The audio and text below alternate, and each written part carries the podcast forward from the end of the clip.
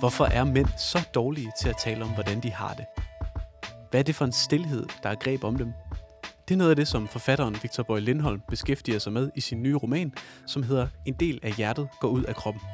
Det er en bog om en yngre mand, der skal lige til at være far, og som i den forbindelse kan mærke et brændende behov for at få tænkt nogle tanker igennem.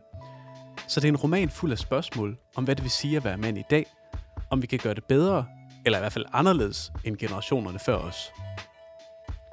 Mit navn er Victor Ovesen, og øh, i det her afsnit af Greve Biblioteks podcast, så gør vi noget lidt andet, end vi plejer. Jeg fik nemlig lyst til at snakke med Victor Boy Lindholm om hans bog, fordi jeg selv har fået et barn og selv har gået rundt med nogle af de her tanker. Han foreslog så, at vi mødtes i det her gamle industriområde på Amager, hvor han tit så ud for at fiske. Nu er friluftsliv ikke ligefrem min stærkeste side, men øh, jeg begav mig ud i det uvisse og øh, mødtes med forfatteren og hans fiskegrej på prøvestenen på Amager.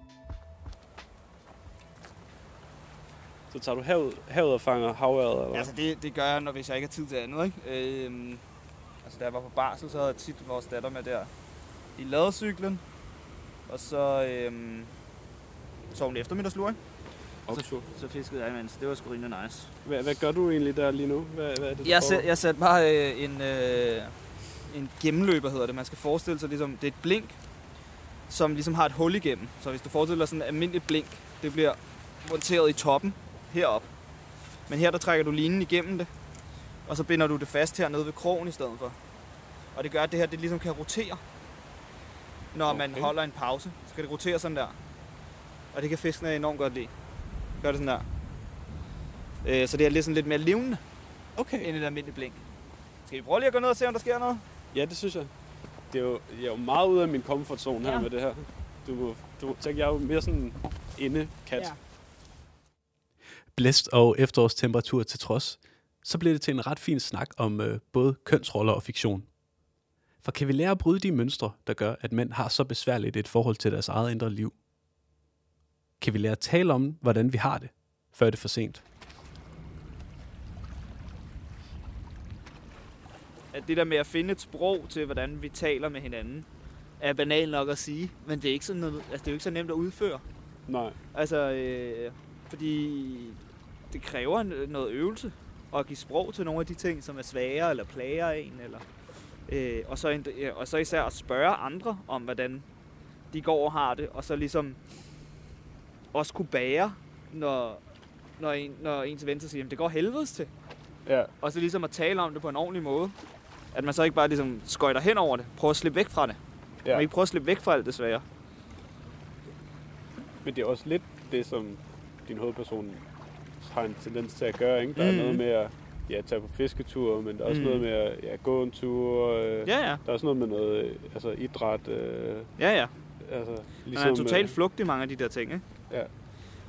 Øhm, som jo på et eller andet tidspunkt, indtil et vist punkt jo kan være øh, fint nok, men som jo også bare bider ind i røven på et tidspunkt, ikke? Jo. Hvis man ikke tager stilling til nogle af de her ting. Så lige pludselig så er man 50, og så, skal man, så er man nødt Ja. til at købe motorcykel. Det er jo nødt til at køre motorcykel eller sådan noget, ikke? Så kommer man til at gøre sådan noget der. Det har jeg ikke brug for. Eller det ved jeg ikke, om jeg har. Det kan godt være, jeg har. Jeg har ikke brug for det lige nu i hvert fald. Eller jeg håber ikke, at jeg skal have en motorcykel. Nej. Det virker besværligt. Øh, ja, men jeg synes, det er meget passende, at øh, du foreslår, at vi skulle mødes øh, sådan et sted som det her. Mm. Øh, jeg kan vanskeligt forestille mig noget mere øh, faragtigt end, øh, end Mhm. fisketurs Ja. øh, øh, temaet. Øhm, og det er, også, øh, det er jo derfor, jeg har taget fat i dig, fordi øh, du har skrevet den her øh, bog, som øh, hedder En øh, del af hjertet går ud af kroppen. Ja. Og det er jo en, en roman, som har en fortæller, der skal til at være far. Ja. Og, øh, og der er der alle mulige tanker, øh, der trænger sig på øh, i den forbindelse, som handler om maskulinitet og identitet og sådan noget. Mm. Øh, og øh, fortælleren går så ligesom en, en lang tur øh, dagen før øh, hans Mm. udkårne har termin. Ikke? En Og- idé. Der er noget med timing, men, Ja. ja. men altså, en deadline er en deadline, ikke også? Jo, åbenbart. Altså, det er jo en roman, som du siger, om både at skulle være far. Det er jo også sådan, at vi har prøvet at... Eller det er jo også sådan, at blevet promoveret, hvis man vil være sådan så, øh, så ind til benet. Men først og fremmest, for mit vedkommende, er det en, en roman om, hvad der sådan øh, kulturelt galt med de ting, som vi øh, opdrager sådan unge drenge til at blive. Ikke? Altså, øh, og, og hvorfor det er blevet sådan. Øh, sådan. Altså tankerne til den her bog er i høj grad opstået i kølvandet på hele sådan, den diskussion, der har været omkring MeToo. Ikke omkring sådan, så meget med sådan, seksualitet og det spil mellem kønnene, men i høj grad, hvad det siger om mænd, at man i høj grad øh, bliver opfattet, eller så mange mænd er grænseoverskridende. Både sådan fysisk, men også øh, i mere sådan overført betydning, også i deres sprog, og også over for hinanden, men jo bare også over for alle mulige andre mennesker. Ikke? Og så sad jeg og læste et essay en dag af en forfatter, der hedder Rebecca Solnit, hvor hun ligesom stiller sådan meget ind til benet spørgsmålet, sådan, hvad er der galt med mænd? Hvorfor er der så mange, er grænseoverskridende? Hvorfor er der så mange mænd så tæt på vold? Hvorfor ender så mange mænd i misbrug? Øh, og hendes idé er ligesom, at det har noget at gøre med stillhed, mm. som romanen så også i høj grad undersøger. Ikke? At mange mænd, det er jo ikke for at sige alle, men der er stor del af de mennesker, der er mænd, der er ret dårligt til at tale om, hvordan de har det. Øh, og det giver nogle ulykkelige liv, som går ud over dem selv og andre. Øh, og så hovedpersonen i romanen er jeg prøver jo ligesom at stille sig selv det spørgsmål, når, når han nu står over for så skældsættende øjeblik i sit liv, som det at blive far, sætte et, sætte et liv i verden, skulle give sin historie videre. Øh, hvordan undgår man så at være en del af tavshedens historie, når man nu er opvokset i en kultur, hvor at det er en ret sådan almindelig og normativ måde at være mand på? At være stille omkring ens indre liv. Øhm, og det, det finder, altså hvis jeg gør noget på spoile, det finder han jo sådan aldrig rigtig ud af. Vel? Altså, det, er sådan en, det er en roman fyldt med en masse spørgsmål, og derfor så tenderer den også over i sådan nogle essayistiske øh, krumspring en gang imellem. Ikke? Der er sådan en, øh, en traver, som jeg har hørt mange gange, øh, som er, at kvinder de taler ansigt til ansigt, og mænd ja. taler skulder ved skulder. Ja. Altså, som, er jo, som øh, handler om, at øh, mænd har nemmere ved at kommunikere, hvis de foretager sig et eller andet ja. sammen. Ja, hændernes bevægelser. Øh, ja, altså, øh, klichéen er jo ligesom også øh, øh, far søn ud i værkstedet. Ja, ja. Eller, eller fisketur. Eller for fisketur, for den sags skyld, ikke? At der er et eller andet middelbart imellem ja. en, mm. som, når man ligesom laver noget, ja. så er det legitimeret. Ja. Det er også meget, meget mandeagtigt. Ja, man kan høre en eller anden form for en gaffeltryk. Det er... Øh, du lytter til Macho Team på Greve Bibliotek. Både, både, .dk's øh, bådopbevaring herude på prøvestenen. De har også en stor hund. Fedt. Ja. Jamen det, altså vi mangler bare nogle barbecue chips, så yes, er der fuld plade. Øh, nej, men i din bog, så er der nogle eksempler på øh, omsorg øh, mellem mænd, øh, men, men jeg synes, der hvor den omsorg i din bog viser sig at fungere, det er ja. faktisk mellem generationerne. Ja. Øh, hvorfor tror du, det er?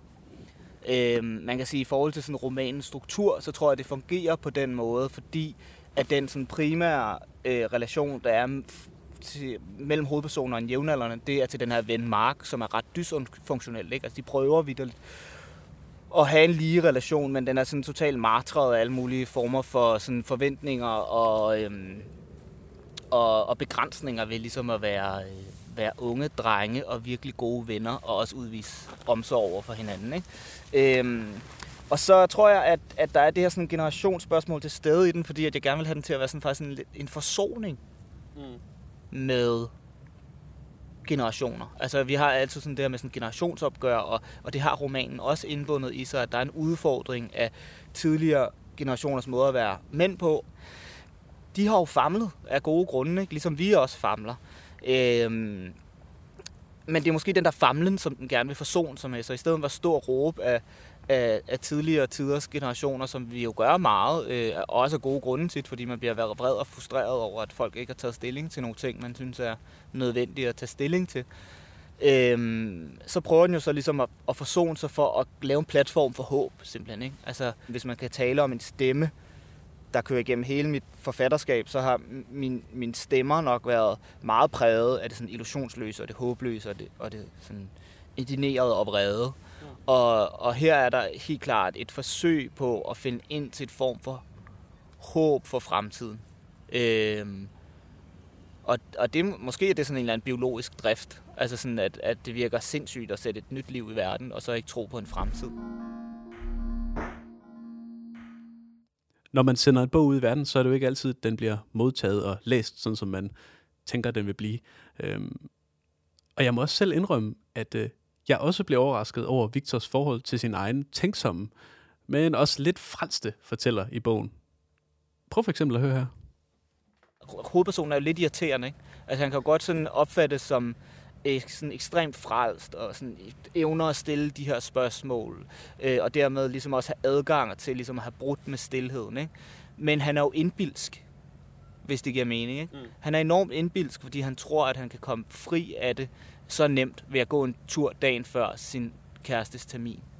Men bare det, at han vælger at gøre det, mm. og ligesom tage den egoistiske beslutning om, at han har brug for at undersøge de her ting, det er jo sådan en skingrende kliché omkring sådan maskulin berettighed, mm. øh, som jeg tror, altså det virker som om, at den ligesom, og det må man stå, stå til indtægt, det virker som om, at den er gået lidt hen over hovedet på nogen. Øh, men det har ligesom været en idé, at, at, øh, at hovedpersonen skulle ligesom tro, at han havde øh, ligesom fundet øh, portene til insekt, ikke? Øh, men i virkeligheden, så går han ligesom rundt i det samme mønster. Jamen, der, er, der, der kan man måske også sige, at bogen er jo så optaget af øh, nuancer mm. i diskussionerne, ja. så ledes at man som læser måske også går på den, mm. om man ja, ja, så må sige, at man, at man tænker, at, at den her bogs sjæl er måske ikke øh, til den ironiske side. Mm, nej. Selvom, selvom nej, nej. Det, når nej, du siger det nu, ja. så øh, virker det fuldstændig åbenlyst.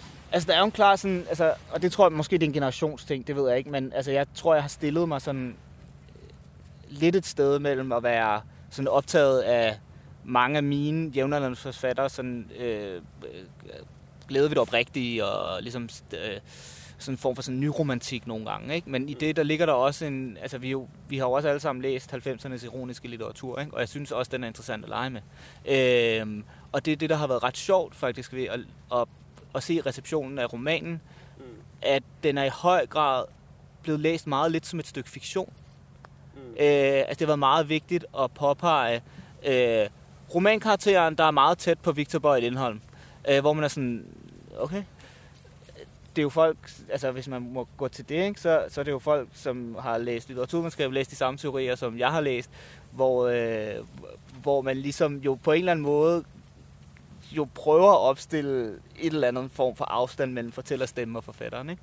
Men det har været meget sjovt at se, at den er blevet læst i høj grad som et debatindlæg i en baserende samtale, som vi har. Og det er jo på den ene side enormt rart, fordi det vil den også gerne være. Den vil gerne beskæftige sig med nogle virkelige problemer, der findes ude i virkeligheden, men den gør det jo fra et fiktionssted. Mm. Det, er jo en, det, er jo, det er jo et stykke fiktion, ikke? Øhm, og dermed bliver der jo så også, derfor kan den jo også tage fejl. Det her rum til at tage fejl, som Lindholm taler om, det handler om, at bogen genremæssigt sigter efter sådan en balance mellem essay og roman. Øh, og jeg spurgte Lindholm om, hvad for nogle tanker han gør sig om de her genremarkader. Jeg synes, vi skal øh, lidt rundt om det her med, øh, hvad for en type tekst din ja. bog er. Altså, altså snak lidt genre på en eller anden måde. Mm. Fordi øh, den har jo et nært forhold til, til essayet, ikke også? Absolut, ja. altså, øhm... altså for mit vedkommende, så er romanen bare en, sådan en, det er en beholder. Altså, det er bare en genre, der er en beholder. Og så kan folk have alle mulige sådan, øh, teorier om, øh, øh, hvordan romanen skal være, eller realistisk fiktion skal være, osv. Men for mit vedkommende, så er det bare sådan en kasse, jeg kan fylde ting ned i. Øh, og i den kasse, der kan der være alt muligt ned i. Ikke? Øhm, så jeg føler mig markant mindre bundet, når jeg skriver øh, prosa, end hvis jeg skriver lyrik, for eksempel. Og det er også noget af det, der er glæde, men der er også en stor udfordring ved at skrive romanfiktion, fordi at jeg ligesom kan gå alle veje, føler jeg. Ikke? Mm. Og der, derfor så kan, kan alle mulige former for tekst ligesom eksistere i den. Ikke? Så der er jo sådan nogle meget sådan litterært romantiske naturbeskrivelser, hvor jeg går meget op i ligesom at, for, at beskrive det, jeg ser øh, så storladen som muligt, og andre steder så realistisk som muligt. Så er der sådan nogle, øh, kan man sige, sådan nogle lystfisker-historiske afsnit, øh, som du kunne have fundet i en fiskebog. Øh, så er der sådan nærmest sådan politisk agiterende tekster i bogen øh, omkring øh, min generation og vores fremtid. Og så er der, øh, så, ja, så, så er der de her overvejelser omkring at, at skulle være forældre, øh, og hele erindringssporet i den. Og så, øh, jo direkte sådan litterære læsninger. Mm. Øh, og for mit vedkommende, så er det ikke modsætninger. Nå. Så er det, bare, så er det jo bare tekst, der findes inden for noget pap, og som så gerne må have en eller anden form for kronologi. Det vil jeg gerne have. Der må gerne være en struktur, der giver mening. øh, Nå, men det er bare sjovt det der med essayet, fordi øh, altså, hvis man kigger på det historisk, så, så den klassiske Mm. øh, essay-type, så tænker man jo i virkeligheden lidt på de her sådan, øh, øh, oplysnings... ja. Nå ja, mænd, ikke? Altså, Yes, som, ja, ja, igen. som, som havde en, øh, sådan en, en position og en adgang til Ja. at få lov at skrive essayet, som øh, fransk betyder forsøg, ikke? Ja, ja. Der måtte de ligesom få lov at Og ligesom øh, Så- lege lidt. ja, sidde og gruble lidt over Ja, ja. tingene, og, ja. og de, det, der var det lidt sådan en, Ja. en position, hvor man kunne udtale sig om alt Mhm. muligt. Man havde også en filosofi, som, som turde udtale sig om alt muligt Mm. mm. på meget stor afstand. Ja, ja, Øh, jeg og har alt også det der, læst, altså, jeg har også læst masser af Rousseau, jeg har også læst øh, masser af øh, John Didion og alt sådan noget der, ikke? Altså sådan, og det, det findes jo sikkert i mine tekster, og man kan sige, jeg tror, det der med at øh, tænke på den måde, altså at, at tænke øh, tvivlen som relevant, det kan man jo også sige om essayet, ikke? Essayet tænker tvivlen, altså apropos forsøget, som litterært relevant og litterært aktuelt. Øh, og det synes jeg jo også, den er, fordi jeg synes, det er enormt menneskeligt. Øhm, og på den måde, der passer essayet jo godt. Øhm, og jeg tror også, jeg sådan er skolet af, da jeg var teenager, så læste jeg rigtig meget sådan noget Thomas Espedal og så videre, som jo også er fuldstændig ligeglad med, hvad det er, han egentlig er i gang med at skrive. Altså sådan, han kalder det jo også bare altid sådan roman, selvom man er sådan, dude, det er dit liv, du skriver om, ikke? Øh, øh, og det, det, sådan har det jo også været op igennem 00'erne og 10'erne, ikke? Hvor at Knavsgaard jo har øh, sådan på den ene side øh, forhekset, og på den anden side øh, sådan frastødt øh, folk med hans øh, autofiktion. Ikke? Øh, så, for, så for mit vedkommende er det jo er sådan et meget naturligt greb i forhold til at skrive. Øh, og jo nok også trygt at gribe fat i den sådan essayistiske stemme, mm, selvom det handler om tvivl, så det føles sådan lidt paradoxalt at sige. Ikke?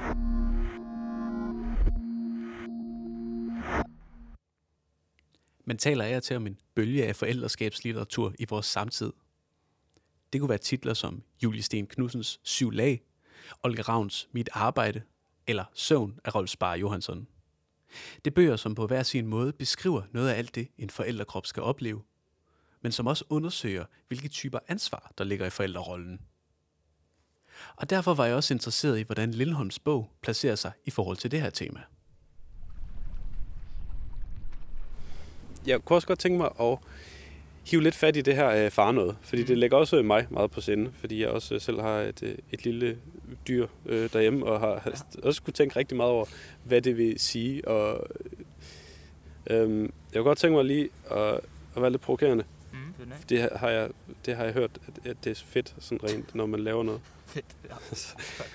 Jeg har lige et stykke af et digt med øh, fra øh, den bog, som hedder Mit arbejde. Mm. af Olga Ravn. Mm. Øh, har du læst den? Ja. Der er et, øh, et digt, som det kan være, at jeg kan få dig til at læse Mm. dernede. Ja. Og så øh, hen i virkeligheden til, øh, at vi er ens. Okay, yes. Det er ikke blot vores kroppe, der er forskellige, men også vores historie. Du har så lidt at tabe, og jeg afskyr dig for det. Jeg mener, du har alt at vinde som far. Du skal ikke gøre meget for at tårne dig op, for at gøre mere end mændene før dig, eller kvinderne i mig. Deres slid op gennem historien. Når du bøjer dig over barnet, bærer du ikke denne historie. Kvindernes lønløse arbejde, fødslen, graviditeten. Du siger, du vil være lige med mig, men vi er ikke lige. Denne søde leg, du leger, at vi er ens. Jeg synes, det er ret interessant, fordi øh, vi taler tit, synes jeg, i den her tidsalder om forskellen på vores erfaringer og vores Ja. erfaringsramme og hvad Ja. ja. vi kan erfare. Klart. Men det er faktisk ikke det, det her det handler om. Nej. Det her det handler om konteksten. Ja. At vi har forskellige kontekster. Ja. Hvad, hvad, hvad, hvad tænker du om, om, om de her grænsedragninger her i, i forhold til, til roller og sådan noget, øh, når man ligesom igen træder op på scenen som en, Ja. som en mand og ja, udtaler sig om, om de her emner her? Øhm, det er jo også nogle af de samtaler, der foregår i en del af hjertet, Gud og kroppen mellem hovedpersonen og nogle af hans venner, hvor der er den her sådan, frygt for det frihedstab, som fylder enormt meget for øh, nogle af hans venner, men som så også viser sig at fylde mere hos ham, end han egentlig vil indrømme, fordi han ligesom øh, hele tiden siger til sine venner, øh, hvorfor øh, tænker I ikke over, hvor meget jeres øh, ligesom kærester skal bære, øh, og hvor meget de ligesom slider allerede nu, og I tænker bare over alt det, I ikke kan gøre. Ikke? Og så ender det med, at, at hovedpersonen alligevel drikker sig virkelig fuld og sådan pisser i bukserne, fordi han, det er uerkendt åbenbart. Mm. Eller han ikke vil erkende det, og det er apropos det der med, at han er en større idiot, end jeg synes, folk læser romanen som, ikke? fordi han gør virkelig nogle dumme ting. Øhm, han, gør så, han gør så bare så meget umage for, for at tænke flinkt, ikke? Ja, han gør så virkelig umage for at tænke flinkt, at han opdager, at, eller han ikke opdager, at han måske er sådan lige så sådan sammensat, eller lige så idiotisk, som de fleste andre mennesker er det, ikke? Eller ligesom sådan fanget mellem de her poler at man gerne vil gøre noget godt, men man bare heller ikke har overblik over alt. Ikke? Og det var jo netop nogle af de samtaler, jeg selv havde med nogle af mine venner, og jeg var ret interesseret i, hvor, hvad er det for nogle samtaler, mænd har med hinanden om at skulle blive forældre. Øh, og der var, sådan en, der var en frygt, der fyldte ret meget hos de fleste, som kom til udtryk som alt det, man mister. Mm. Og det tror jeg er almindeligt. Det ved jeg sgu ikke nok med køn at gøre nødvendigvis. Men øh, at, at det der ligesom sådan et af den der sådan frihed, man sådan tab i det hele taget, alt det der forsvinder, ikke? det kommer til at fylde enormt meget, fordi man ikke aner, hvad fanden der kommer til at foregå. Ikke? Så på den måde er det jo meget naturligt. Men jeg synes, i den måde, vi taler om faderskab på, tit er sådan en, en, sådan en, ja, altså sådan en demonisering af det, eller øh, at vi mister en hel masse, og man taler meget lidt om alt det, man får igen. Ikke? Men det er, som der står i Olga Ravns digt, ekstremt let, apropos det der med sådan generationer, at få lov til egentlig at være... Øh, hvad fanden kan det gode begreb være for det? Fordi den, det har, jeg hader det der sådan begreb om sådan den moderne mand. Det synes jeg er så idiotisk. Altså det er sådan det dummeste, der findes nærmest. Øhm, hvorfor, hvorfor det? Jamen, jamen fordi det, det, virker så, det virker så barnagtigt på en måde. Ikke? At sådan, så fordi du, du ved, skifter din... Altså det, det er jo, vi er jo nogle gange nede i de der sådan, øh, små hverdagshandlinger, fordi folk fucking tager sig deres barn om natten, eller skifter deres blæ, eller øh, henter, altså sådan, gør det samme, som, eller gør det, der er forventet af en, ikke? så er man en moderne mand, fordi at mænd for en til to generationer tiden ikke kunne finde ud af det. Det er sådan noget, det gør mig sådan, det er jo noget af den indignation, der findes i romanen, og noget af det, den er skrevet på, at det er så letkøbt at blive rost for noget, man ikke skal roses for. Mm. Altså, øh, jeg lavede et interview i forbindelse med udgivelsen af det, den her roman, øh, faktisk her omkring os, med politikken, som handlede ligesom om forældreroller. Øh, og hvor vi talte en masse om romanen, og så øh, spurgte journalisten, hvad har I ligesom gjort for at gøre ting anderledes? Øh, og det er jo sådan et mega svært spørgsmål at svare på, fordi man er også bare midt i det hele tiden og så videre. Øh, men jeg havde ligesom altså, vi havde delt natten, tror jeg, me, mere på altså, det. Det, var sådan, det har været smart for os, ligesom at, at jeg gav vores datter noget mælk i en flaske om natten. Ikke? Altså gav hende, gav hende modermælk i en flaske om natten. Ikke? Og så blev det ligesom, jeg kan huske sådan, øh, hvad den hedder, ikke øh, øh, der er sådan en, der er sådan, vi kan, på information kalder vi det en trompet. Altså, så der ligesom står sådan en, øh, et, et ord, og så kommer rubrikken, ikke? Øh, hvor der så stod ammefar. Øh, og så stod der så sådan noget et eller andet, øh, Victor har du ved, stået op med sin barn, whatever, ikke? Altså sådan, det var sådan en hyldest, ikke? Det var, sådan, ja. det var nærmest så meget en hyldest, at jeg troede, det var sarkastisk. Og, og det kom til at fylde alt i den her artikel. Det kom til, i stedet, og det er sådan tre linjer i den, ikke? Hele diskussionen på internettet kom til at handle om, hvordan man skal gøre det her. Altså bare for at sige, sådan, hvor aktuel øh, og hvor sådan levende og hvor egentlig konservativ den her samtale stadig er. Ja, ja, øhm, og det er jo det, som sådan meget den der moderskabslitteratur handlede om. At den har ligesom handlet rigtig meget om, at vi har været vildt dårlige til at tale om, sådan, hvor fucking pisse hårdt det er. Og, øh, øh, hvor uretfærdigt det jo også på mange måder er, at, sådan, at halvdelen af verdens befolkning ligesom skal gennemgå det her, og det skal den anden halvdel af befolkningen så helt ikke gennemgå. Og det har så også været den del af befolkningen, der ikke gennemgår det, der så også har alle privilegierne på alle mulige andre punkter. Ikke? Øh, så det har, jo været en, det har jo været en vigtig del af den samtale. Øh, og så kan man så sige, hvordan skal samtalen så omkring øh, det at være far i dag se ud? Ikke? Skal den handle rigtig meget om, hvor hårdt det er at være far? Øh, det skal den da også handle om. Det er der også, øh, man, altså det er jo, altså, ja, man sover jo ikke på samme måde, og du ved, der er jo nogle af de der ting, som man sikkert godt kunne lide før, som øh, for en stund er væk, men det har det også bare handlet super meget om i fiktionen. Altså sådan øh, mænd, der forlader deres familier, fordi de ikke kan, fordi de er frihedssøgende og Mm. whatever pisser lort. Ikke? Øh, jeg kunne godt tænke mig at skrive, jeg kunne godt tænke mig at skrive en bog, der handlede om det modsatte. Hvor dejligt og fedt og stort og smukt Mm. øh, det måske bliver, fordi det er jo det, romanen handler Det er jo, det er jo måske, den handler jo ikke på noget tidspunkt om at være far. Nej, der er Hvis ikke, man, der der, er ikke baby. der, er, der er ikke en baby, og det er jo det, der også er interessant. Det er sådan, den er blevet læst på den måde, ikke? at sådan, nu er det en person, der har gjort sig nogle erfaringer, men det er den ikke overhovedet. Det er jo også derfor, den er idiotisk nogle gange, fordi personen taler om noget, den ikke ved noget om. Altså, det er jo sådan en karakter, der går rundt ligesom og... Øh, øh, meget sådan digternaturagtigt, ikke? Ligesom Mm. gør sig en masse forestillinger omkring, hvordan livet kunne være. Ikke? Øhm, men det må, rum, det må fiktion jo også gerne være. Det må gerne være utopisk. Øhm, og i hvert fald være en eller anden fremstrakt hånd mod en bedre verden.